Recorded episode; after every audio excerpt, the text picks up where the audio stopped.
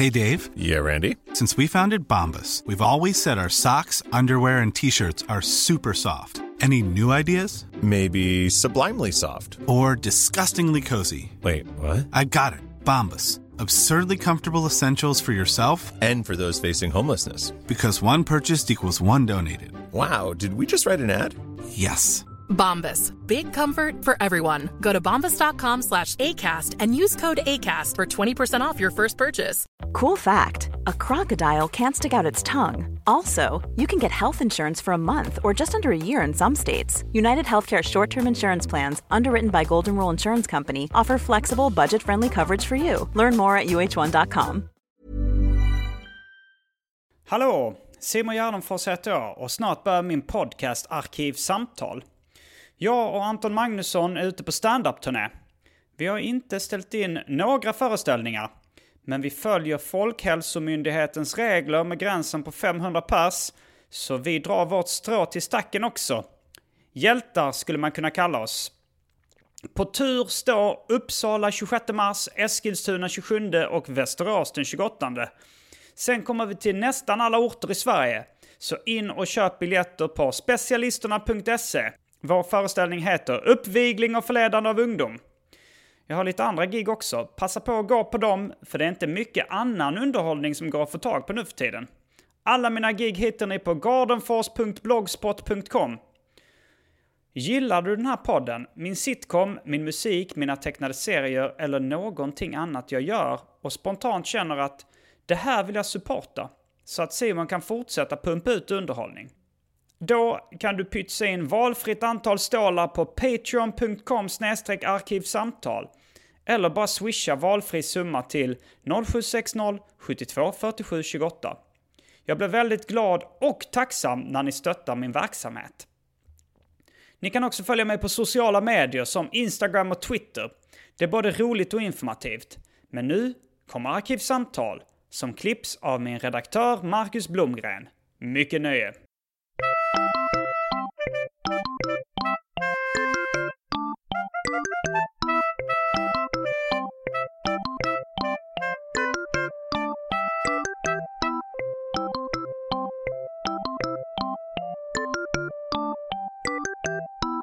Hej och välkomna till Arkivsamtal. Jag heter Simon Gärdenfors och mitt emot mig sitter ännu en gång journalisten och författaren Adam Svanell.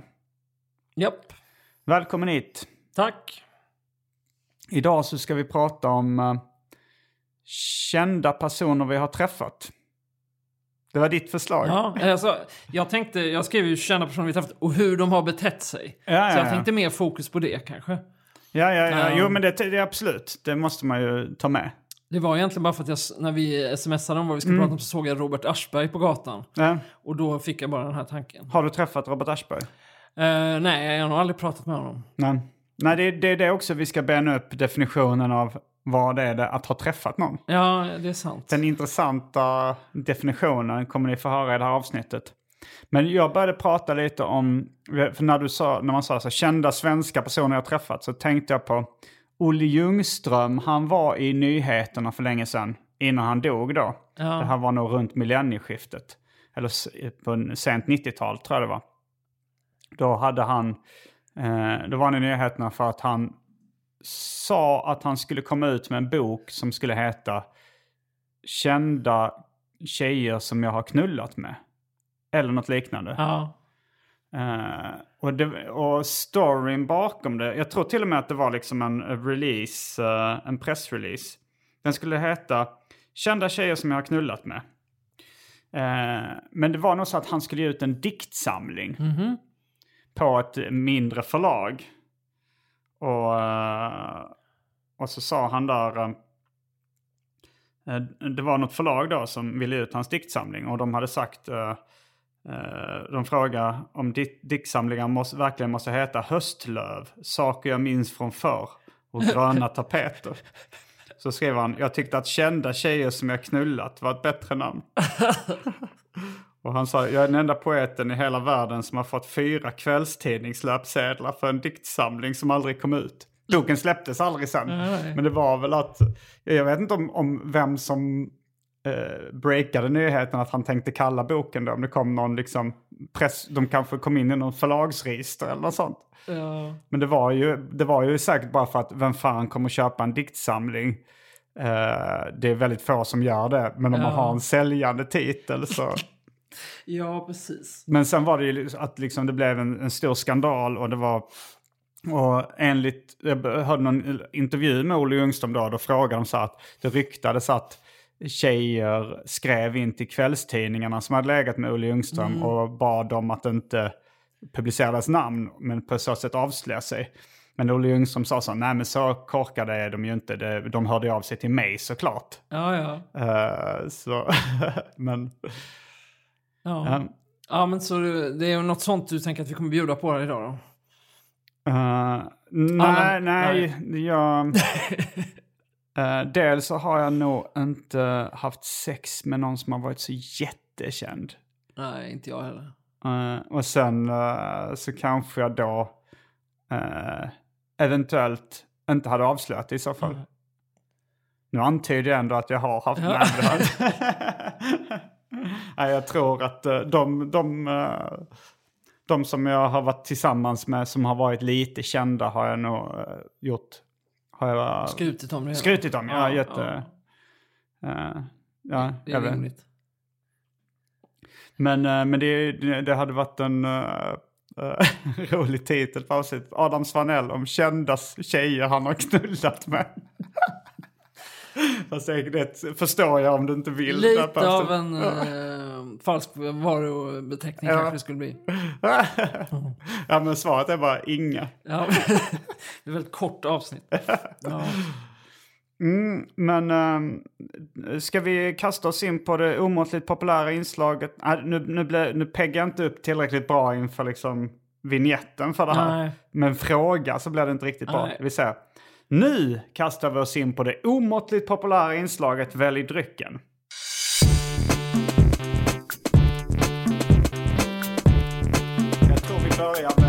Fasta inslaget Välj drycken! Och här kommer alternativen. Hela min lägenhet har genomgått en så kallad corporate rebranding. Ja, det, det kan man inte undgå kan man säga. Nej, jag pratar om det väldigt länge i Specialisterna podcast.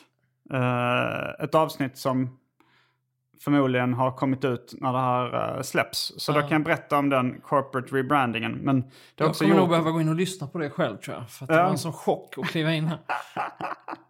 Ja, eh, en ledtråd är släpp in färgen. Mm. Men eh, så alla mina liksom, saker är ute ur lägenheten i så sätt. Så jag har tagit ett foto istället för min välj drycken-lista är borta härifrån. Men eh, då finns det vin av märket Moncaro, vitt vin. Det finns uh, Fanta Zero. Det finns inte så mycket annat. De där Red Bull-burkarna de har gått ut ur datum. Och ja, hostmedicinen finns kvar av märket Recipect. Det finns uh, Heinz tomatketchup, det finns Malibu, det finns sherry. Och det finns, jag ser faktiskt att det finns siciliansk citronsaft. Eller i alla fall någon form av citronsaft. Eh, sen finns det häxblandningen. Det vill säga alla drycker som eh, fanns i min kyl innan jag genomgick så kallad corporate rebranding. Det är aldrig någon som tar den. Jo, det har Nej. hänt. Ja, okej. Så det är liksom... Ja, okej. De tar en liten sipp då bara. Ja, men till och med en, en, väl- en om vi nu ska komma in på kändisar, så Ja. Lotta Lundgren bland annat äh, Ja. äh, drack häxblandningen och liksom provsmakade den som en sån här äh, klassisk vinsmakare. Fast hon svalde i och för sig, men Ja, ja. hon liksom berättade om vilka nyanser hon hittade i aromen och sådär. Ja, ja. Vad tyckte hon då? Hon, hon påstod att hon tyckte det var gott, men jag tror hon ljög. Ja, ja. Ändå, ja, vad, vi, du känner väl också äh, Little Jinder lite Ja, grann? lite. Ja, hon har ju också blivit äh, väldigt känd. Ja, jo. Hon har också druckit av häxblandningen. Ja, ja. Så det går i det är linje en med genväg till framgång. Ja, ja. Då borde vi egentligen också dricka den nu då för att vara i linje. Men, men, så eh, känd vill jag inte bli. Höll jag på att säga. Du tror att de har blivit kända på grund av att du har druckit Det är en sån, sån trolldryck. Och för tråkmånsar och nejsägare, vatten. Då kan, kan du bli lika känd som David Liljemark Ja. om, du, om du väljer det. Ehm, jag tar lite vitt vin. Mm, då gör jag också det. Och då är vi strax tillbaks med dryckerna. Kända från det omåttligt populära inslaget Välj drycken. Och som eh, kändisen som du såg på gatan brukar säga. Häng med!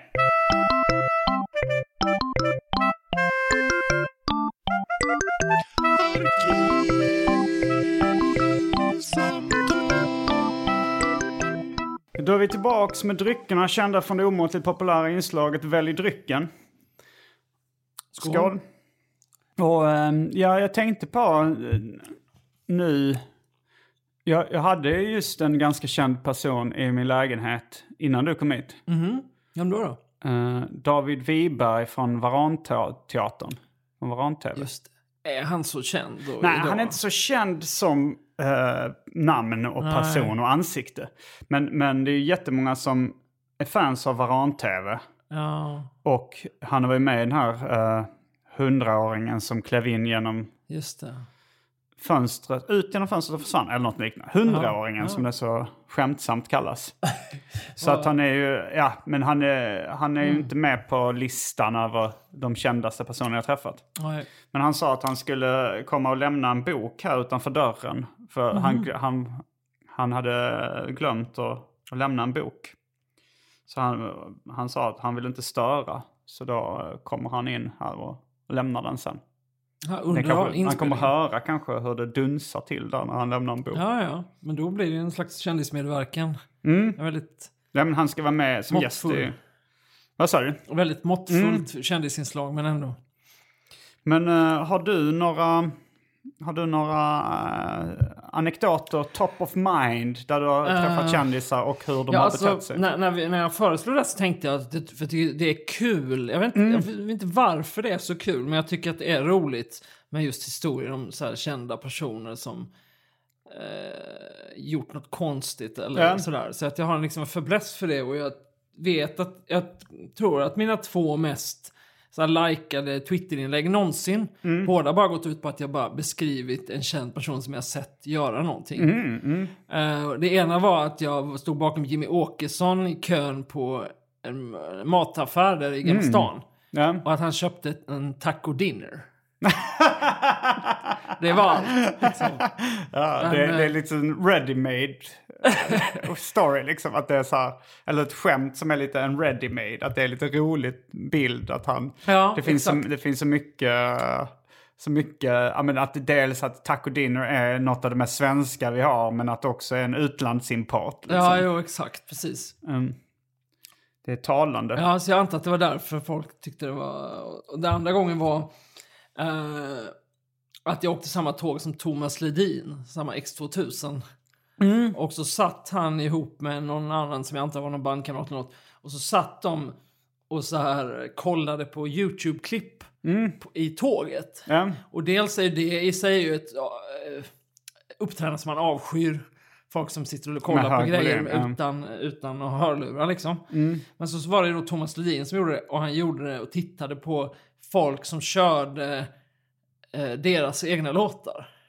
Alltså typ såhär, Alltså folk, som gjorde sjöng covers, av och sånt. På ja, typ, ja, det är eh, ju... Eh, nu kommer jag inte ihåg om det var liksom eh, Sommaren är kort eller vad det var. Så. Ja. så satt de och kollade på sådana tillsammans. Ja men det är intressant. Alltså det, det, det är klart att man, kan, man förstår att någon gör det eh, bakom lyckta dörrar. Men, Ja. det, men det, det är både ödmjukt och, eh, och väldigt eh, självupptaget att göra det i det offentliga Ja. rummet. För att alltså han bjuder ju på så här, om man, om man ändå gör det hemma så varför inte Ja, visa att han gör det ute liksom. Det, det är någon blandning mellan ja. eh, ödmjuk och självupptagen där.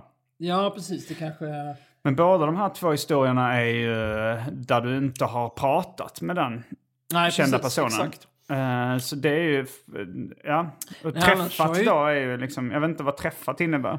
Nej, alltså grejen är, det är konstigt. Jag har faktiskt kommit på att jag ibland inte ens kommer ihåg om jag har träffat kändisar eller inte. Nej, men eller jag har glömt att... Ja, men det är liksom någonting i det här att man ser...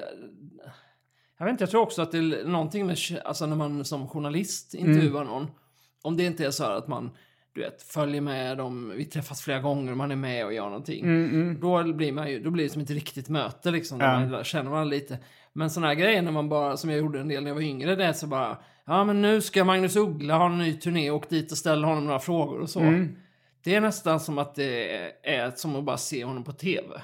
Alltså det är jo, så det är det lite. ju. För man han stä- vet ju inte, han kommer förmodligen inte minnas dig. Nej. Och jag har ganska många sådana eh, alltså kändisar som jag har träffat och bara alltså träffat som att jag, jag har blivit presenterad för dem. Ja. Eh, de har liksom hälsat. Men sen tror jag inte de kommer ihåg mig liksom Nej. efteråt. Precis. Men, Men jag har i och för sig varit med om motsatsen, att det har hänt att någon kändis har kommit ihåg mig och jag inte har kommit ihåg dem.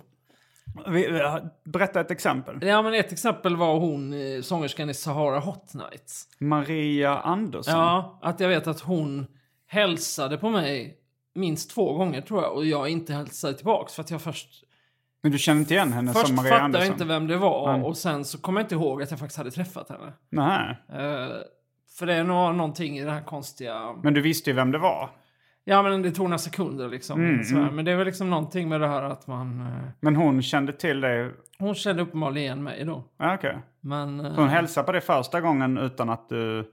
Nej, men jag hade träffat henne någon gång, men det hade jag redan förträngt liksom. Ja, För att är just de här- Förträngt också. Nej men du vet, glömt för att de här mötena med... Och jag Ja, tycker men att det det har hänt flera gånger att kändisar har, alltså, att kändisar har hälsat och jag har först inte fattat varför de hälsar och så sen har jag kommit på att jag faktiskt har träffat dem. Men det mötet har gjort ett oerhört liksom litet, in, svagt intryck liksom. Ja, men i och för sig både, både du och jag i våra yrkesroller träffar ju ganska mycket kändisar. Mm. Du skriver artiklar och gör intervjuer och, och sådär. Och jag jobbar i nöjesbranschen. Ja, Och det är väl då jag har stött på, alltså så här, de flesta gångerna jag har stött på någon kändis har ju varit när jag intervjuat dem i den här podden eller när jag kört stand-up på något ställe eller varit med i någon annans podd. Och det varit någon känd person med där. jag tycker att du borde ha fler så här konstiga mm, upplevelser av kändisar. För jag tänker när, när jag träffar kändisar Mm. så vet de ju ofta att jag kanske ska skriva någonting om dem. Det känns som att de är väldigt på sin vakt. Eller Mm. det är inte så att de liksom... Det är ganska Jo. sällan någon beter sig helt bisarrt dåligt. Jo, den, den som jag har liksom, som kanske mest eh, känd eh, kontra liksom betett sig eh, minst trevligt. det är nog Jonas Gardell. Jaha, okej. Ja, men han, jag tycker han ger ett väldigt uh, divigt intryck. alltså. Ja, ja. Det, första gången jag träffade honom, tror jag det var, det var eh, ett pris som hette Stora läsarpriset.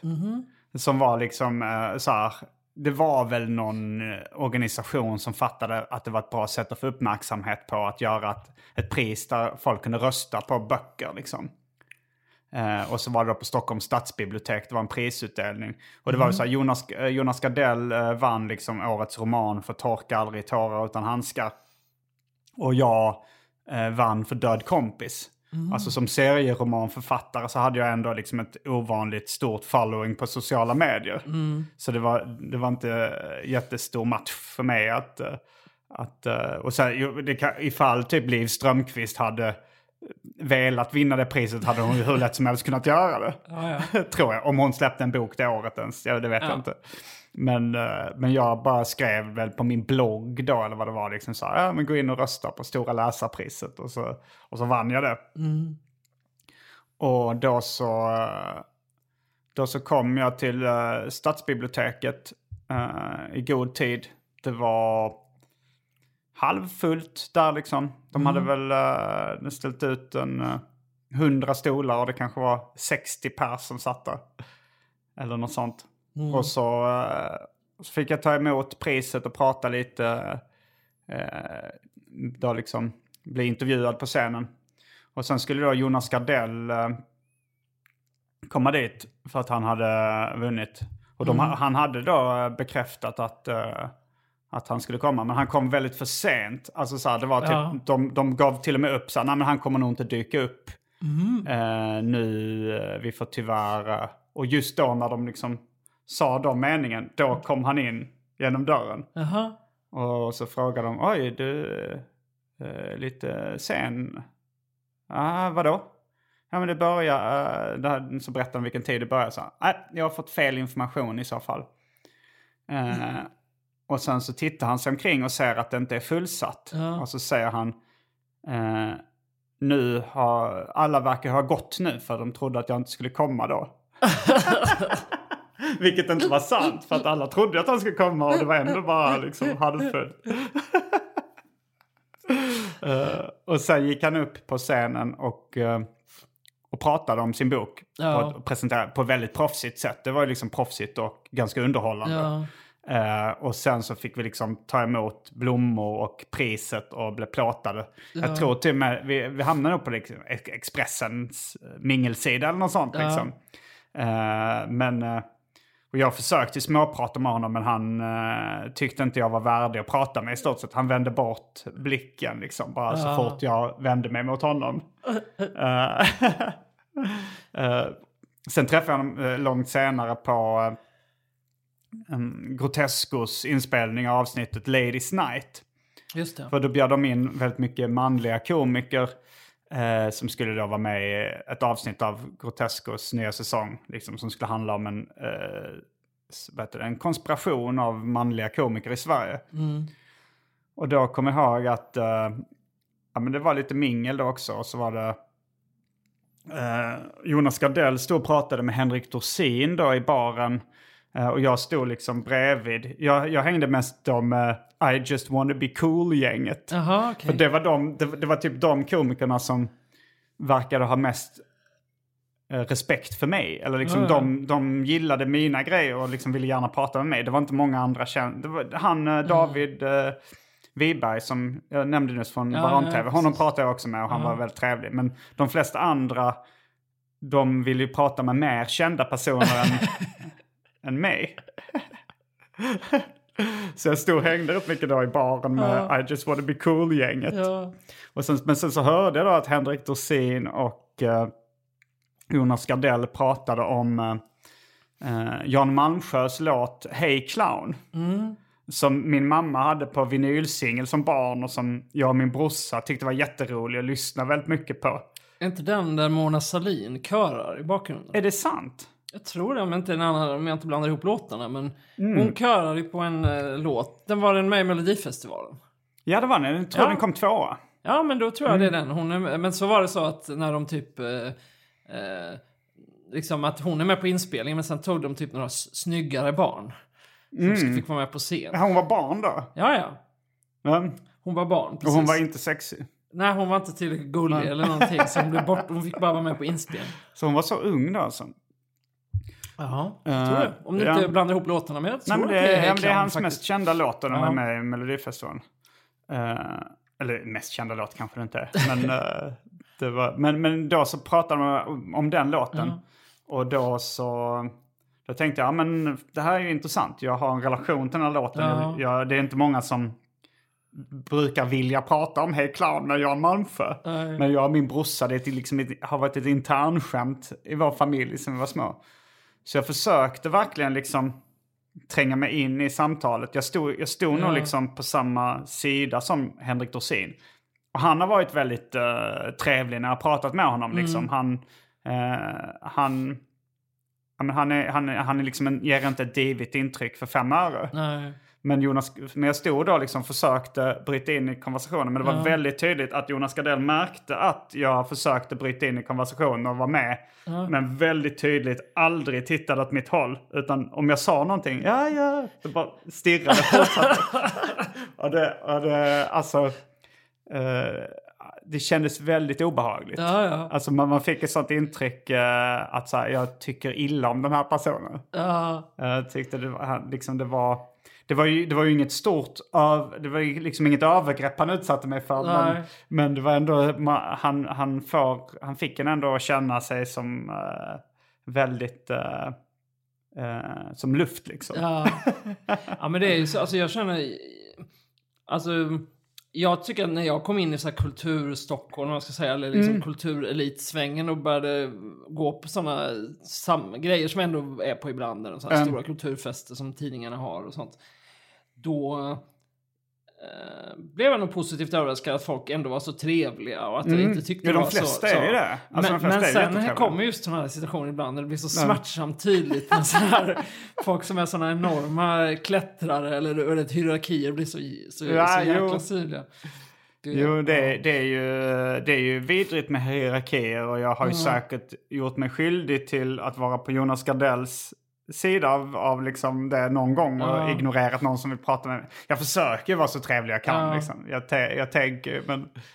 Eh, men det var väl också när vi var i den eh, situationen så var det så mycket kändisar på en och samma gång. Jag har träffat så här eh, Mark Levengood i verkligheten. Ja. Jag var gäst i hans podcast som handlar om Gud tror jag. Eller handlar om, Ja. eh, jag och Frej då var, eh, var, var gäster. Jag tror de hade bjudit in oss eh, då efter den här, vi hade byggt bögklubben på Åland. Just det. Då, och Mark Levengood tyckte att det var citat en kristen handling. Okej. Medan jag, eh, medan jag, tyck, jag kände mer samröre med satanismen än kristendomen skulle jag nog säga.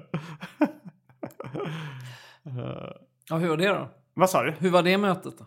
Ja, men han, han var trevlig. Han var varm och, eh, och verkligen eh, lyssnade liksom.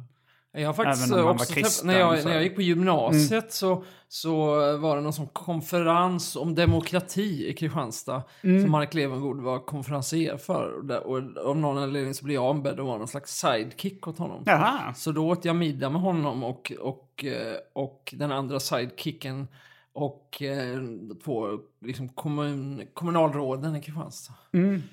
Men han var också rätt trevlig. Jag minns mest att, han, att vi hamnade, att det var då kungen hade blivit tårtad. Jaha. Och då blev det- Kung, Var det kungen som blev tårtad? Kungen blev tårtad då, Mm. ja. Eh, av, och då var det ju... Alltså jag tror inte att det kanske var så i praktiken att det var, men jag minns att det sades att straffskalan Mm. var i alla fall så att personen riskerade typ eh, upp till två års fängelse eller någonting för det där. Mm, oj, ja. Och då minns jag att det blev diskussion om det, att jag tyckte det var så löjligt, men eh, Mark Levengood tyckte alla att inte riktigt uts- utsattheten som offentlig person eh, är svår att förstå eller något sånt. Mm, ja. Ja, jag vet inte. I och för sig, han har väl råkat ut för, eh, han har blivit misshandlad liksom som, Ja. eh, som öppet homosexuell. Och det, det är ju, det hade han ju nog inte blivit om han inte varit känd. Nej, nej. Eller, Och ja. det, vad sa du? Eller ja, det ja, vet man inte heller han hade, för men- förr så blev man ju det, höll på säga. Ja. Men, eh, ja. men det är ju någonting med det här med just att man, man jag vet inte varför, varför är det som att man göttar sig, eller jag tycker att det är lite så här, att man, det är något mys med att höra om, om otrevliga kändisar. Ja, jag tror det var någon stand-up-komiker, jag vet inte om det var Louis CK eller något sånt, eller Bill Burr eller någon som pratade om att eh, Alltså när de hoppade in på, de brukar göra så här oannonserade gig på Comedy Cellar och lite mindre klubbar så för att testa nytt material. Och det, det är kul för liksom publiken ofta att så här eh, se en kändis som hoppar ner på en, en mindre klubb. Eh, och och då, hans, den, den här komikern då sa så här att de, när, när det går bra för en, då, då gillar folk det. Liksom. Folk gillar att säga så här, jag såg Louis CK på Comedy Cellar, han var svinbra. Men vad de gillar ännu mer är att säga, jag såg Louis CK på Comedy Cellar och han bombade. Ja. Det, det gick, han var skitdålig, det gick åt helvete. Det älskar folk liksom. Jag vet inte vad det handlar om. Ja, men det är kanske någon slags uh, avundsjuka miss, missunnsamhet. Liksom att man, man är lite avundsjuk på eh, väldigt kända och framgångsrika personer. Och då så är det ju, man kan gotta sig i när det går dåligt för dem på något sätt. Ja. Jo, men så är det kanske. Men det är också, jag tycker jag, av någon anledning så tycker jag också att det finns något lockande när man hör att de är osympatiska. Jag har en, kompis som gjorde någon liten roll i en Beck-film. Ja. Och då är tydligen han Peter Haber tydligen känd för vara så riktigt, riktigt otrevlig.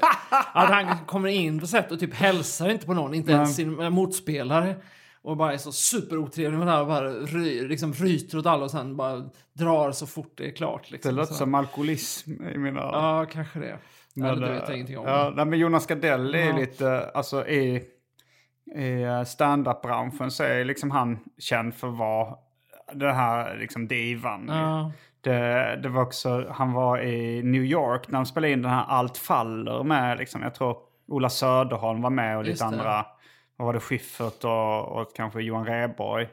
Jag tror att det blev lite så här att stora egon eh, krockade för mycket i den. Att, att det var inte så lätt att göra. Men då var ju Jonas Gardell med. Då, de liksom gjorde någon kick-off eller någon liksom Ja. inspirationsresa till New York eller vad det var.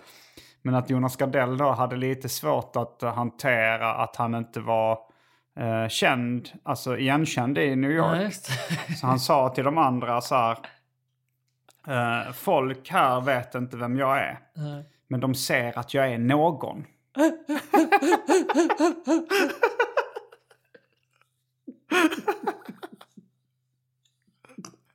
Ja, det är bra. Bra självbild. Ja. Eh, det är väldigt roligt. ja. Men- är det någon annan sådär som har varit riktigt, riktigt, betett sig riktigt dåligt? Ja, vi har ju eh, Peter Wahlbeck. Vi kan ju lyssna på Mm. Avsnittet Psykbryt special av Specialisterna Mm. Podcast om ni vill höra eh, hur han betedde sig. Men var du förresten med? För Frej Larsson har berättat att han och några kompisar, bland annat Unni tror jag och någon annan, intervjuade Peter Wahlbeck på Norra Brunn tror jag det var, alltså när de var unga, nästan barn.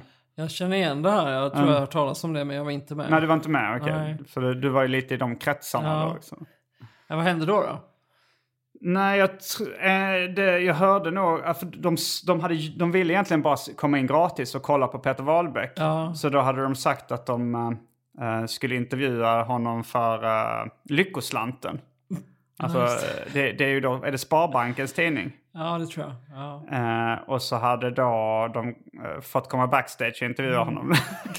och det här Lyckoslanten, han visste ju att det var en banktidning. Ja. Och då började han prata om, eh, om judarna. Ja, ja, klart han gjorde. Eh, Vagt antisemitiska Ja. uttalanden om banker och judar lär ha yppats. Rimligt. Ja. Det är rätt kul. Ja, nej men alltså jag, jag är ju som sagt, när man intervjuar folk så är det sällan man, det är något som är jättesticker ut. Men ibland så har jag haft kontakt med folk ehm, för att de själva ska skriva till exempel. Och det kan ju vara, då kanske det inte är så vrål... Alltså att de själva ska skriva. Ja men till exempel att en känd person skriver en artikel. Mm. Eh, till exempel så, så har jag ju tagit in några artiklar av Richard Wolff. Ja, okej. Uh, uh, Och då har du träffat honom? Nej men det var så här, det började med att, eh, att eh, Sven, Svenska Dagbladet hade någon grej som jag egentligen inte jobbade med. Men som hette S- Svenskans vackraste ord. Ja, just de det. Men det minns jag. Eh, och eh, på något sätt så blev jag indragen på något lite... Jag tror att David. Liljemark, eh, som är väldigt känslig för Ja. vad han kallar för kioskiga grejer, Ja. störde sig mycket på det. Ja, men det tror Jag jag, tror har det. inte tagit upp det med mig faktiskt. Jag känner igen det också. Men på något sätt så om Rickard Wolff var med där, tror jag det började med. Och jag vet inte varför om det, jag kanske bara var att det var sommar och jag fick hoppa in där. På något sätt var det jag som tog emot den där texten av Rickard Wolff. Och sen då så hade. Men vi vilket ord var det han tyckte var vackrast? Det minns jag inte faktiskt. Eh, nej, det kommer jag faktiskt inte ihåg. Men i alla fall så blev det att vi etablerade någon kontakt och sen Mm. så fick jag väl någon idé av att han skulle göra något, Så han gjorde en intervju med Edouard Louis som är en fransk författare. Mm. Och då så... eh, När han lämnade den här texten sen då så var det väldigt roligt för att Edouard Louis då är en ung eh, homosexuell och kan, ja, rätt snygg så här ung ma- man. Eh, och då så handlade det, det ju nästan som en erotisk novell. Mm. Eh, Richard Wolffs text. Som han, det var väldigt mycket så. Eh, han kliver in med ett underbart vitt leende, blå skinnjacka och ett... Blå skinnjacka? Ja, det var mycket Mm. om just den här blåa skinnjackan. Och liksom, och ögon som strålar och så vidare. Mm. Och... Eh, Men du träffade aldrig Ja. Rickard Wolff personligen då? Eller var det här bara via nej, nej, mailkontakt? nej, det var nog bara mail och på telefon. Mm. Men det var väldigt eh, roligt att jag var liksom, fick lägga väldigt mycket energi på att redigera bort allt liksom sm- småsnuskigt nästan, den här texten. Att det var liksom så här, vi tar en taxi hem till mig så och slår ner i soffan. Det blir inte som en intervju utan mer som ett förtroligt samtal. Jag känner mig förälskad. Och Aha, massa oj, sånt, så. Redigerade bort Eh, det, att han kände jag var tvungen att redigera bort allt kändes det. Det var ju Ja. typiskt grejer som, ja men hade det varit en, en ung kvinna som en, en man i hans ålder hade skrivit som Ja. hade ju liksom aldrig fått, eh, aldrig passerat. Men det låter lite gubbsjukt. Ja, precis. Men- Eller gubbfriskt, som jag väljer att kalla det. alltså. Ja. Hey, Dave. Yeah, Randy. Since we founded Bombus, we've always said our socks, underwear, and t shirts are super soft. Any new ideas? Maybe sublimely soft. Or disgustingly cozy? Wait, what? I got it. Bombus. Absurdly comfortable essentials for yourself And for those facing homelessness. because one purchased equals one donated. Wow, did we just write an ad? Yes. Bombas. Big comfort for everyone. Go to bombas.com slash ACAST and use code ACAST for 20% off your first purchase. Quality sleep is essential. That's why the Sleep Number Smart Bed is designed for your ever evolving sleep needs. Need a bed that's firmer or softer on either side? Helps you sleep at a comfortable temperature? Sleep Number Smart Beds let you individualize your comfort so you sleep better together. JD Power ranks Sleep Number number 1 in customer satisfaction with mattresses purchased in-store. And now save 40% on the Sleep Number limited edition Smart Bed for a limited time. For JD Power 2023 award information, visit jdpower.com/awards. Only at Sleep Number stores or sleepnumber.com. This is Paige, the co-host of Giggly Squad, and I want to tell you about a company that I've been loving, Olive and June. Olive and June gives you everything that you need for a salon quality manicure in one box. And if you break it down, it really comes out to $2 a manicure, which is absolutely insane. It's also so easy to get salon worthy nails at home with Olive and June. The difference between how your nails used to look when you did them yourself and now with the Manny system is a complete game changer. The best thing about Olive and June too is it's a quick dry. Dries in about one minute, lasts for five days, and full coverage in up to one to two coats. Visit oliveandjune.com slash perfectmanny20 for 20% off your first system. That's oliveandjune.com slash perfectmanny20 for 20% off your first system. Vem är den kändaste personen du har träffat? Om, alltså det, det är ju en svår definitionsfråga, men har du någon top of mind? Nå, jag kommer inte på någon. Jag googlade lite inför avsnittet Ja. om liksom, eh, de kändaste personerna i Sverige. Ja. Det var någon som hade sammanställt en lista liksom, som var de, så här, de kändaste person, de viktigaste svenskarna genom tidigare tiderna. Och sånt där. Ja, Och då var Hasse Alfredsson på plats 34. ja, ja. Och Har du träffat honom? träffat och träffat. Alltså det här är ett minne som jag har från när jag var liten. Som kan vara delvis eh, konstruerat minne också. Eh, ja, men det var, nej, men mer att jag minns inte exakt vad som hände. Eh, så här minns jag det idag. Att jag och min familj var på någonstans på Österlen. Kanske, Ki- vi kanske hade varit på Kiviks marknad eller något sånt. Ja. Och så eh, på en bänk då så satt en ganska gammal Hasse Alfredsson och vilade sig. Eh, och eh, jag kommer inte ihåg om det var min pappa eller min storebrorsa eller något sånt som liksom kände igen honom, Hasse Alfredsson. Och som jag minns det då så gick jag fram som barn och sa hej. För jag minns det här liksom att han sa hej till mig och min storebrorsa. Så vi sa hej. Och så sa han hej. Och han såg så himla, himla trött ut. Sådär. Redan då? Ja, han kan inte varit jättegammal då. Nej, men, nej. mitt minne var att så här, oj, vad, för jag minns ju honom från liksom Blommifalukorv och sådär. När han Ja. var piggare och yngre liksom. Men att han då var, jag minns han som väldigt gammal och väldigt trött. Och han har ju själv eh, kallat sig själv manodepressiv. Och jag skulle nog gissa att han var inne i en rätt depressiv period då. För han sa, hans trött kan också tolkas som djupt deprimerad. Ja. Men han satt där liksom på en bänk och var... Men, men, jag, men jag kan inte svära på att, att... För jag tänker att det kan vara konstruerat att jag gick fram och hälsade på honom. ja. Men jag tror fan jag gjorde det. Alltså, men jag var kanske bara eh, sex år gammal då eller någonting. Ja, det är svårt med gamla minnen. Det var ju som... Eh, så känner jag ofta, du vet den här historien jag berättade i någon jättetidigt avsnitt av podden om det här barnet som jag dö... Du vet, min lärares barn. Som jag Melvin. Eh, Eller nej, Milton. Ja, just det. Eh, och då var det så att jag var osäker själv på om det historien verkligen stämde, för det var så länge sedan. Sen var det ju då när duktiga läs äh, lyssnare som Mm. kollade upp det där och såg att han faktiskt hette Milton. I mellannamn eller vad? Ja, precis. Um, jo, det var då Men att, så känner jag ofta med många historier. Liksom. Ja, ni får lyssna på alla avsnitt med Adam Svanell för att få en recap av det här.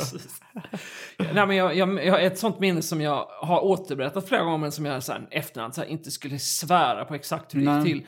Det är när jag var typ 18 år också och jag gjorde närradio Um, eh, i Kristianstad då, under Kristianstaddagarna. mm. Och då var det att vi gick in bakom scen där, jag och min kompis, vi skulle göra någon intervju. Och så var Lars Winnerbäck där med sitt band. Och så sa han något i stil med så här. Här ikväll grabbar, ikväll kommer vi kunna få jävligt mycket fitta. Men det är också så här att så här, jag vet ju att det här hände typ så att jag berättat det. Men det... jag tyckte det var jätteroligt. Men det är liksom så här, skulle jag sitta i direktsändning nu mot Lars Winnerbäck så skulle jag liksom svära på exakt hur han uttryckte Men det var det, var, det var andemeningen, någonting va? om, om, om möjligheten att få knulla helt Ja, enkelt. Så. ja, och du är inte helt säker på att han sa Ja, fitta? men jag tror det, men du vet som sagt det är så många år sedan de har berättat det flera gånger efterhand. Så, exakt hur var det? Det är inte så att jag liksom ser scenen exakt framför Nej. mig. Och, Men han var väl med, han var med i samma band som Ankan Johansson. Mhm. Och... Um, eh, alltså innan då, Snoddas hette de nog då till och med tror jag. Alltså så här, ett band då i, jag vet inte var det Linköping eller Norrköping eller sånt där? Linköping tror jag. Mm. Men att, eh, men att då, att Ankan eh, Johansson då eh, låg med väldigt mycket av liksom eh, hans, de som inte fick Lasse Winnerbäck i det bandet.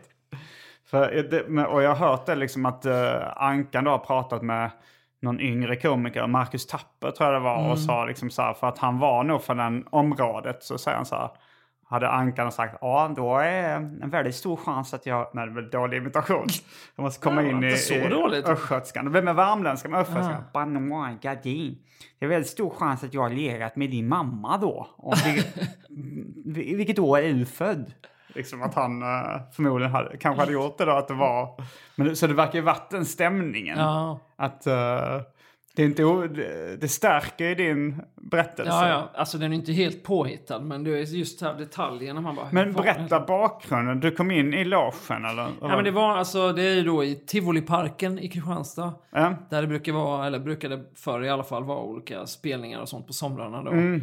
Och så hade de liksom bakom scen där ett backstageområde typ. Mm. Och då var jag och min kompis där och gjorde, jag minns att vi intervjuade inte Lars Winnerbäck, vi intervjuade bland annat Escobar, minns jag, om du kommer ihåg det bandet. Ah, Det ett minne. snäll popband Mm. som hade en kort, kort storhetstid. Ehm, ja, då tror jag att vi bara råkade gå förbi liksom. Han- förbi, men och han- höra dem sitta där och snacka liksom. Okej, men det var, det, var, det var inte det att de märkte inte att det var andra i rummet då? Liksom. Ja, det var utomhus. Okej. Så och de ni satt sa- väl runt ett bord liksom. Det var ju det som brukar vara på ett backstageområde. Det rör sig olika personer runt och runt. Så att de tog nog ingen notis om oss liksom. Eh, Ja. men... eh, Men annars, den typen av historia har man ju inte så många. Alltså, det är som att folk tror att man ska ha mer. Alltså jag tänker som till exempel på bokmässan som jag åkte Mm. på varje år i många år. Så var det, kan det bli sånt försnack. För så, Någon borde skriva den här artikeln om hur det egentligen går till. Alla, alla ligger runt och knarkar och super alla kändisar. Typ så här. mm. Jag bara, det döljer de i så fall väldigt väl. För jag har liksom inte sett någonting som varit särskilt spektakulärt under alla år jag varit där. Men och sen är det inte så spännande om... eh, Det brukar återkomma alltid så här att en viss, en viss eh, före detta eh, sossepolitiker som senare har skrivit böcker och en viss tv-programledare som har grekiskt påbrå. Mm. Att de stod och hånglade på väldigt mycket och väldigt så ordentligt på McDonalds på Avenyn typ. Det är Ja, liksom ja. den historien som kommer tillbaks gång på gång liksom. Det är, den Det här är enda- det enda? Det är typ det enda riktigt så... Ja. Ja, nej, det, ja, alltså sånt. Men det, är- det är klart att uh, kändisar hånglar med varandra och ligger med Ja. varandra också. Och super och knarkar ungefär lika mycket som, kanske till och med lite mer än. Ja. Men, men jag vet inte om jag tycker det är så spännande att höra att någon kändis har varit jättefull. Kanske de Nej. gör någonting mer spektakulärt än så. Nej. Den här, uh, ja men, den här storyn som, eh, om Peter Wahlbeck som, jag tror Filip och Fredrik tog upp den i, i, ett nyligen avsnitt när han liksom pajar någon affär från för Johan, vad heter han, Style von Holstein eller vad fan Just det, Stahl från Holstein. Ja. Han har jag också intervjuat faktiskt. Ja, ja, men då var det väl att han kom fram och droppade lite N-bomber och, och liksom pajade något, någon stor deal för Ja. honom för att de var gamla kompisar eller gamla Ja. bekanta liksom. Eh, Men sådana stories kan ju vara kul, men, eh, men att bara någon så här, den personen låg med den personen eller den personen hånglade med den, det tycker jag inte är så, det är inte jättespännande kanske. kan ju vara roligt om det är liksom väldigt oväntat. Tänker jag. Om det är så här Edvard Blom och eh, Sara Larsson. Sara Larsson Ja, det ju varit- sågs eh, liksom. Ja, om de stått och hånglat på McDonalds mitt i natten. Då, det, ja, men då, då är det ju ändå den kontrasten som är kalibern i storyn. Liksom. Det, här finns, det finns ju sån minnesforskning, du vet, om man berättar någonting men sen säger direkt efteråt att det inte är sant. Mm. Så när man kollar långt efteråt så kommer folk ofta ihåg det de har hört men inte att Ja, det inte är sant. nu kommer det riktigt Så nu kommer det riktigt här. Men jag tycker jag hörde någon gång att Edvard Blom sa någon, ingen rök utan eld. Ja, det, är, det, det tror jag till och med jag har tagit upp i, i min stand-up show Vesslan som Ja. ni kan kolla på på YouTube. Eh, det här Ingen rök utan eld. Uh, vet vilken story jag snackar om? Nej, jag tror inte det. Ja, det är då på Flashback Forum. Ja. Eh, där det fanns tråden kändisar analt. Mhm. Som senare stängdes ner med motivationen trams. Ja, att folk tycker folk tramsar för mycket i det. Men då var det någon, liksom, de, de skulle då skriva lite om vilka kändisar som eh, brukade ha analsex. Och så var det någon som skrev så här, jag, eh, jag var på en The Knife-konsert och eh, skulle gå på toaletten men gick in i fel dörr och råkade hamna backstage. Och där fick jag se sångerskan i The Knife eh, bli rövknullad av eh, samtliga manliga medlemmar i bandet. Samtliga. och då var det någon som kommentar under så här.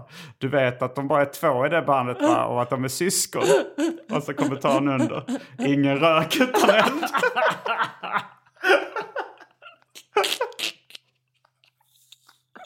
Det är jättebra. Men, men hur förhåller du dig till, vad tycker för du är ändå så lite mi, semikänd. Ja. Hur förhåller du dig till sånt, typ vad det står om dig på Flashback och sånt? Jag antar att det står konstiga och osmickrande saker, eller? Gör det inte det? Ja, ja alltså jag, jag, jag varit inne på Flashback och det stod väl så här... Alltså an, sammanfattningsvis så stod det väl så här...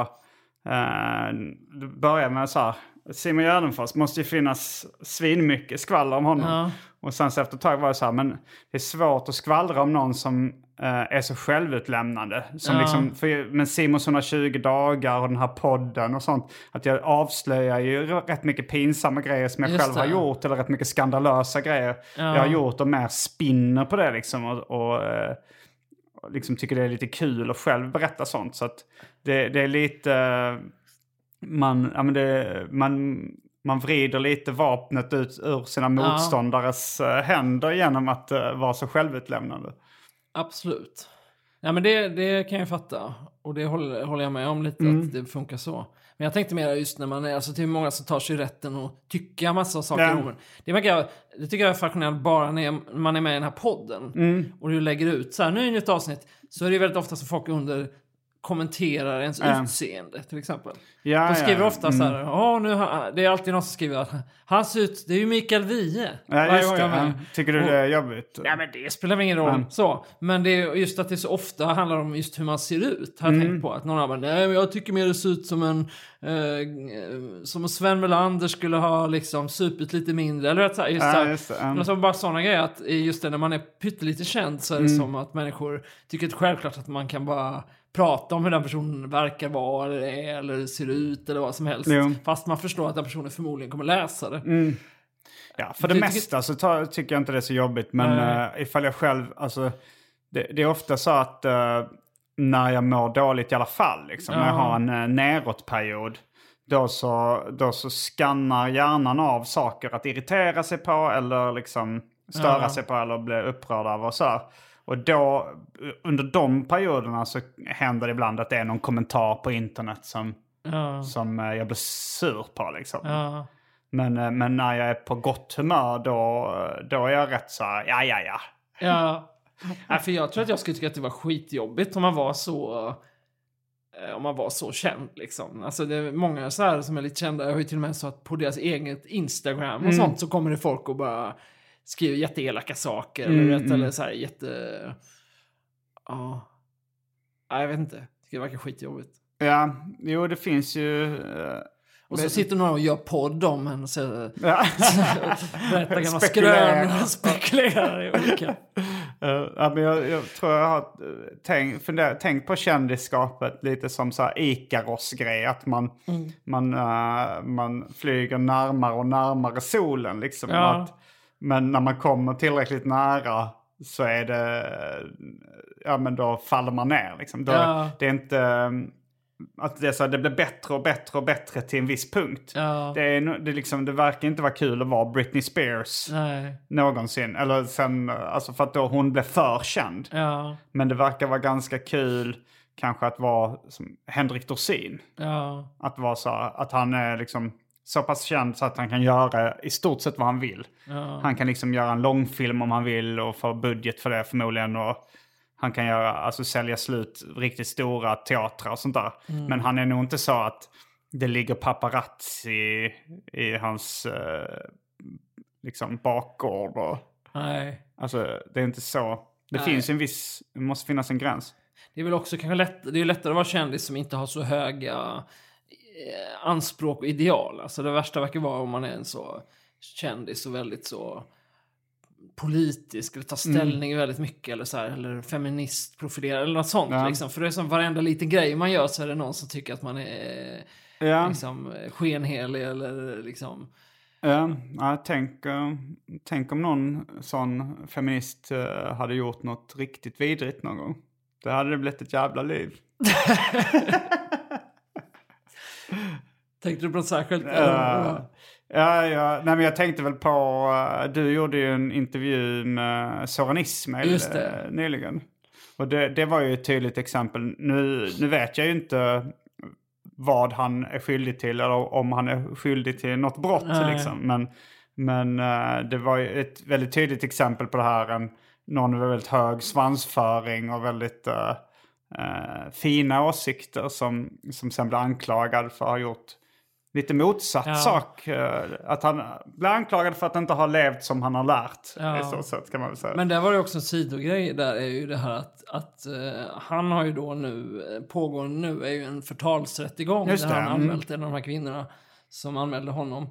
Eh, och där har han ju då fått printscreens av det här som hon har skrivit av Nour El Refai. Mm. Just det. mm. Ja, och hon skickar ju det till honom som jag förstår det då inte för att hon bara säger kolla här, det här kanske du vill använda till en förtalsrättegång om några år. Nej. Om det skulle vara aktuellt. Utan typ som en normal person. Det står på internet att du har våldtagit någon. Vad fan handlar det om liksom? Ja, ju att de var Eh, kompisar där. Ja, ja, precis. Ja, det, det så Men också sen det. nu Mm. så har ju hon fått så sjukt mycket skit på det då. För Ja, det jag att folk menar att hon är liksom... Jag förstår inte riktigt eh, Nej. den kritiken hon har fått där faktiskt. Nej, men det är ju så det blir. Att då är det liksom bara för att hon har utgett sig för att ha någon typ av ideal eller Ja, liksom, så, här, mm. så får hon så extremt mycket skit och folk bara du sviker kvinnor, Mm. du är en antifeminist och allting liksom. Och så måste hon gå in och själv försvara det här jättemycket. Ja. Skriva en massa jätte... Eh, kravla verkligen och sånt. eh, Fast Ja. hon egentligen inte har gjort något konstigt liksom. Ja, det rekommenderas inte att ha en eh, hög moralisk svansföring i media. Alltså så, här, jag själv som haft en låg moralisk svansföring i media, då blir det så när jag väl säger någonting som kanske är lite vettigt, då Ja. får man ju åh, det var fint. Ja. Och ifall jag gör något så här, ja, men jag, jag skrev bara något tweet nu så på internationella kvinnodagen som var så här, eh, nu har de börjat med internationella kvinnodagen. Vad ska de hitta på härnäst? Internationella bögdagen eller? Och då var det många som skrev till mig så ah, du kommer få skit för det. Nej. Inte en negativ kommentar. Den Nej. blev retweetad. Folk har vant sig. Ja, ja. Men tänk om Nour El Refai... Nej, nej, hon, nej det, det hade inte... Alltså, hon hade ju, då hade folk fattat att det var ironi Ja. direkt liksom. Men om Henrik Schyffert hade skrivit det. Det hade folk hade inte sett med blida ögon på det. Ja, nej. Ja, det är deppigt. Men man kan vara känd alltså, så länge man har en låg, låg Moralisk- moralisk svansföring. Ja, jag, tror, jag tror det är tricket. Ja. Mm, kom vi någonsin till vilken den mest kända personen det var som hade du har träffat? ja, alltså jag vet inte. Jag, tror, jag tänker känns, att alltså det, jag har ju intervjuat en del sådär liksom Hollywoodstjärnor och sånt. Vem då då? är nästan alltid på telefon. Jaha, ja. Alltså typ Ethan Hawke till exempel Mm. intervjuade jag här för några år sedan. Alltså nu gör jag inte så mycket intervjuer längre men, men då är det ofta just det här bara man blir ihopkopplad med någon på telefon och sådär. Så tänka efter vilka som jag verkligen... Jag kan ju säga om min Jag kan- lista. Alltså, ja. jag, jag, Alltså sen har jag ju intervjuat en del kända typ så här politiker, alltså typ som Mona Sahlin. Som Nej, det är- det är ju känd. jag vet inte om den kanske Ja. kändaste personen som jag har pratat med är Robert Crumb. Ja. Serietecknaren. Ja. Alltså han är ju känd, inte för allmänheten, men Nej. jag tänker att så här, internationellt, hur många som, han har varit känd Ja. liksom sedan 60-talet Ja. i rätt stora kretsar internationellt. Vilket man inte kan säga om liksom, nej men de svenska eh, kändisarna jag träffat är ju liksom, ja men komiker, men det är så här, men, men eh, Johan Glans och Lotta Lundgren och David Batra och ja, men sådana, Sigge Eklund liksom, Ja, som har, nu är väldigt Ja. kända i Sverige, men jag tror ändå att uh, Crumb skulle vara större. Timbuktu kanske högt upp listan eller, eller då. Jag vet inte. Nej. Det, är- det är ju svårt för när man, när man googlar vilka som är mest kända också så är det så här genom tiderna i Sverige. Ja. Det var, det var där jag hittade Hasse Alfredson på den listan. Men sen så hittar man mer sådana de hetaste, de, de hetaste svenska kändisarna just nu. Då är det vissa som just har blivit kända liksom. Ja. Eh, och då, då kommer jag ihåg den enda jag hade pratat med på den listan var Johanna Nordström. Vet du vem det är? Nej. Hon är Då komiker. tänker man inte ens vet vem det är. Då är den inte Nej, så nej, känd. nej, inte så känd. Nej, men det är väl så att hon... Det var väl någon av de nya som har slagit igenom. De så här Ja. mäktigaste svenska kändisarna just nu.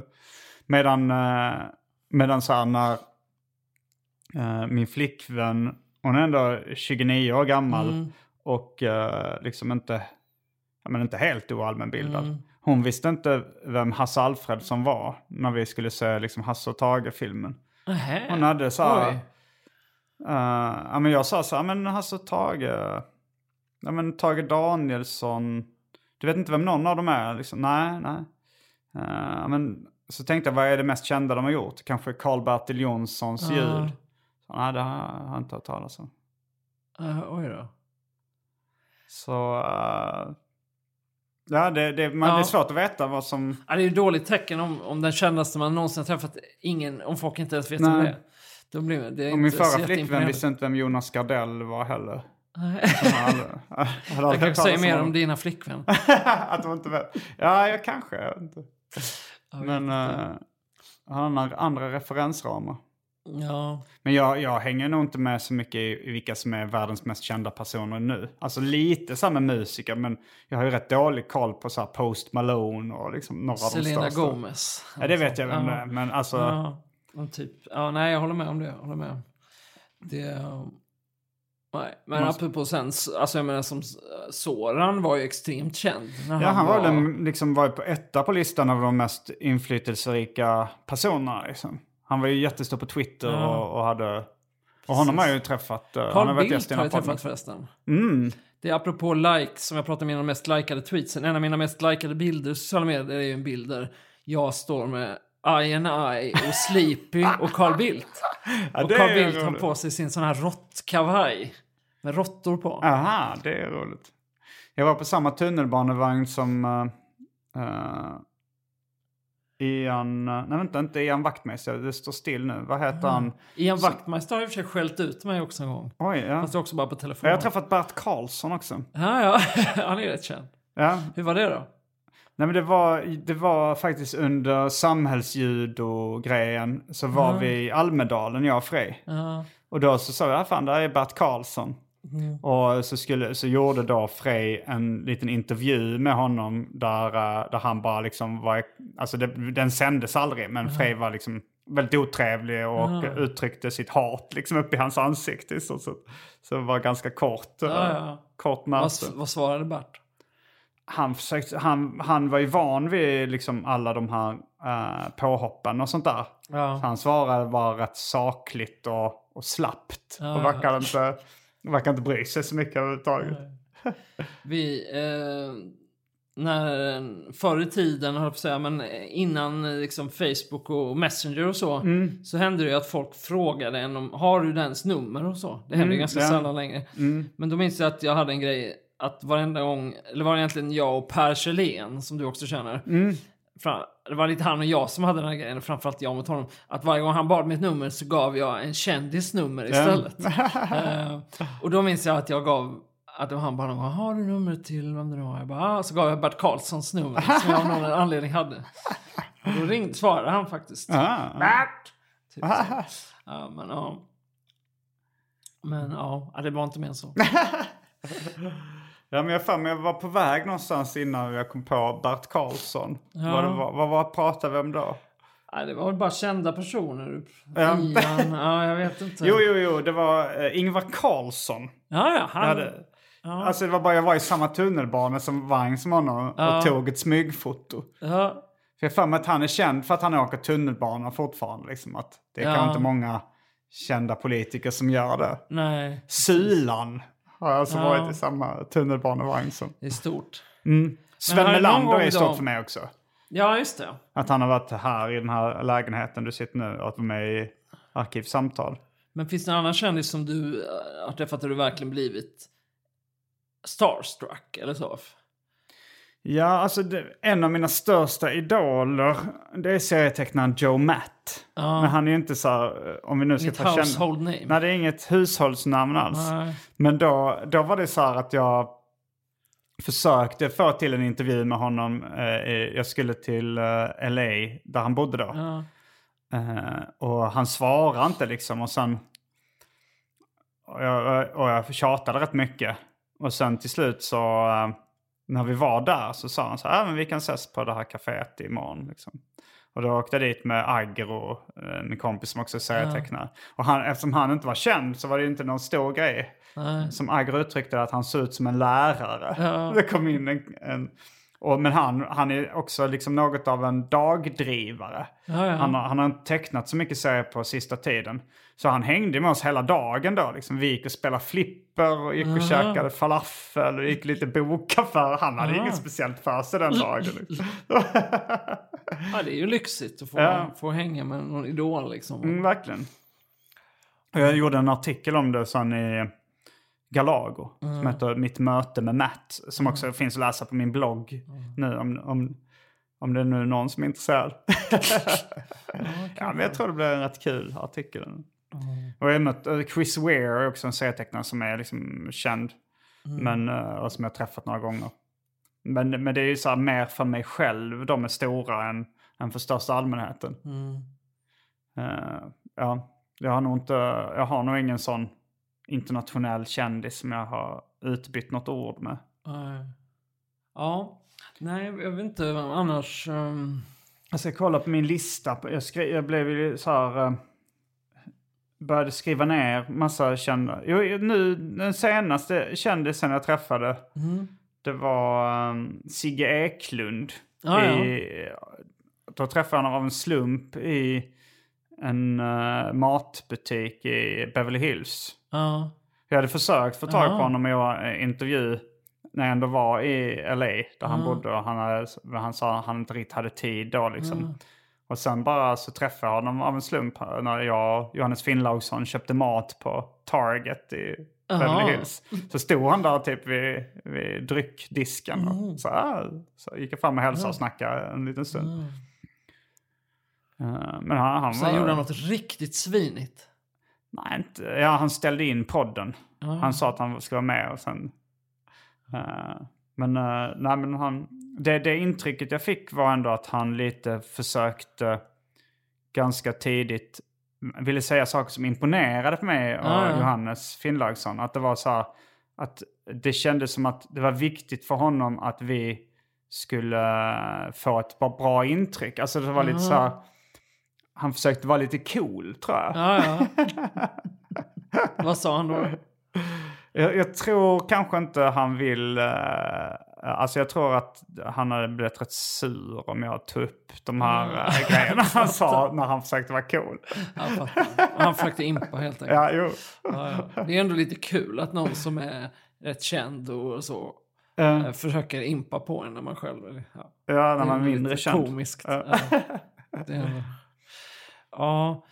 ja, men jag funderar också på, apropå folk som, som man haft så här, eh, men som jag faktiskt heller aldrig egentligen har pratat med in person. Mm. Man har haft en del kontakt med eh, Kristina Lugn, du vet, Mm, eh, poeten som sitter i Svenska Akademin. Ja. Men det här är ju verkligen lite tragikomiskt, kanske till och med mer fokus på tragi. Mm. Men hon, hon hör av sig någon gång när vi hade haft en artikel i tidningen. Det var eh, en författare som heter Lotta Lundberg, inte förväxla med Lotta Lundgren, som hade skrivit någonting om Saddam Hussein på något sätt. Och så hade hon blandat in en historia som hon hade hört om Kristina Lunds pappa. Att han hade tagit med henne till bio när hon var liten. eh, för att gå på sin film. Och sen när de kom fram så sa han bara Nej, det blir ingen film. Nu har du fått lära dig vad en besvikelse Den storyn tror jag jag har hört någon gång. Det är en skitbra story. Ja, eh, och så på något sätt så blandade de in den här historien och resonemang om vad det var. Jag kommer inte alls ihåg, men det var någonting med Saddam Hussein på något sätt. Och sen hörde Kristina Lugn av sig var jättearg. Och visade sig att samma dag som den här artikeln trycktes så hade hon varit suttit i bilen till sin pappas begravning och läst det här. Där han då jämfördes med Saddam Hussein på något sätt tyckte hon. Hon var jättearg. Alltså hon skrev det här var så här rasande mejl liksom. Och då så... um, Ja, jag kommer inte ihåg, men jag bara svarade något som man gör. Jag är ledsen att du tog illa upp, bla, bla, vi, det var inget inlat ment. Och så kopplade jag in hon den här Lotta då, och så då fick hon svara. Och, så. och då svarade Kristina Lugn efter några dagar. Tack så jättemycket för ditt svar och jag överreagerade och bla bla bla. Och så här, var jättevänlig och bad om ursäkt. Okej. Ehm, och då tänkte jag lite syns att jag skulle utnyttja den här etablerade kontakten. För då hade vi något nummer på gång. Det skulle ha ett temanummer av det här kulturmagasinet som jag för om poesi. Så då var jag så här. Ja men du kanske vill skriva en artikel här om eh, någonting. Skrivtips typ. Så skriver man do's and don'ts liksom Ja. när man skriver poesi. Och där inleddes någon slags lång korrespondens mellan mig och Kristina Lugn. Så det var väldigt mycket turer fram och tillbaka och hon liksom hör av sig och nu har min dator slutat fungera och nu har det här hänt och bla bla bla och det var jättemycket så fram och tillbaks. Och sen till slut då så kom artikeln och då hade hon skrivit, då hade jag bett om 5000 tecken. Men då hade hon läst fel och skrivit 500 tecken. Så det var som en liten notis bara. Och då var så här, äh, så fick jag svara bara, ja ursäkta men nu var det ju. Och då var så, åh jag ber så hemskt mycket om ursäkt och jag är så dum och så det var så väldigt liksom under så. Och sen till slut då så, så fick hon in en text då i alla fall som vi hade i tidningen och så. Och sen då efter det... Träffade du henne någonsin in person? Nej, jag gjorde inte det. Eh, Eller det är inte för... Jag har sett henne på I... Hemköp förresten. bodde Ja, man lägger Mariatorget. ihop de här två så blir det att Exakt. både sett henne och Men- pratat med henne. Men det, det slutar inte där, utan sen när tidningen kom i tryck då var det väl så att du vet när man trycker dagstidning ibland så blir det bara så dåligt tryck just den Mm, dagen. Eller en viss del av upplagan. Så då hade hon blivit ganska röd i ansiktet på bilden. Så då hörde hon av sig. Åh, den här, vilken kränkning! Det här är fruktansvärt. Ni hör, att ni liksom inte har någon respekt för att ni, jag är ful som det är och att ni ska göra så här mot mig. Och jag kommer aldrig mer medverka i Svenska Dagbladet och jag tänker inte ens ta emot arvodet för texten för det här är en så eh, lågt gjort och sånt. Eh, Vilket straff Ja. mot er att hon inte tar betalt. Ja, och sen så svarade jag ja okej, men det var inte ja, meningen då att vi hade den här bilden, bla bla, bla och liksom. Och då så svarade hon igen. Eh, jag ber så hemskt mycket om ursäkt. och det, det, det var inte, jag är ledsen att jag brusade upp och bla bla bla. Och, och när jag tänker efter så var det dessutom under arbetets gång med texten så var det också någon sån här när hon vad har du gjort med En texten eller någonting? Men det var också sen, sen Och eller alkoholist. Jag ber om ursäkt, tack för din underbara redigering av texten. Och jävlar, det är verkligen uh, hustrumisshandlaren som ber om ursäkt och ger blommor. Ja, men lite så, exakt. Och sen det lustiga var att det var den här gången då med varannat mejl var hon arg, varannat mejl så bad hon om ursäkt. Men sen efteråt, några veckor senare, så kom det ett nytt mejl där hon bad om ursäkt. Utan att det hade varit något, hon hade varit arg emellan, hon bara bad ursäkt igen. Aha. Och då förstod jag inte alls först. Hon bara, jag ber om ledsen för min ton och så här. Och då efter ett tag förstod jag att det var, hon hade skickat fel. Så det var ett mail till någon helt annan som hon bad om ursäkt till. Fast som, som då har råkat CCa mig. Liksom. Så det var bara en slump att det också Du kom var till inte mig. speciell ens. Så det var väl egentligen ganska sorgligt. Det kändes inte som hon mådde så bra. Men, Tragikomiskt. ja. Och med de orden så avslutar vi veckans avsnitt av Arkivsamtal. Jag heter Simon Gärdenfors. Jag heter Adam Svanell. Fullbordat samtal.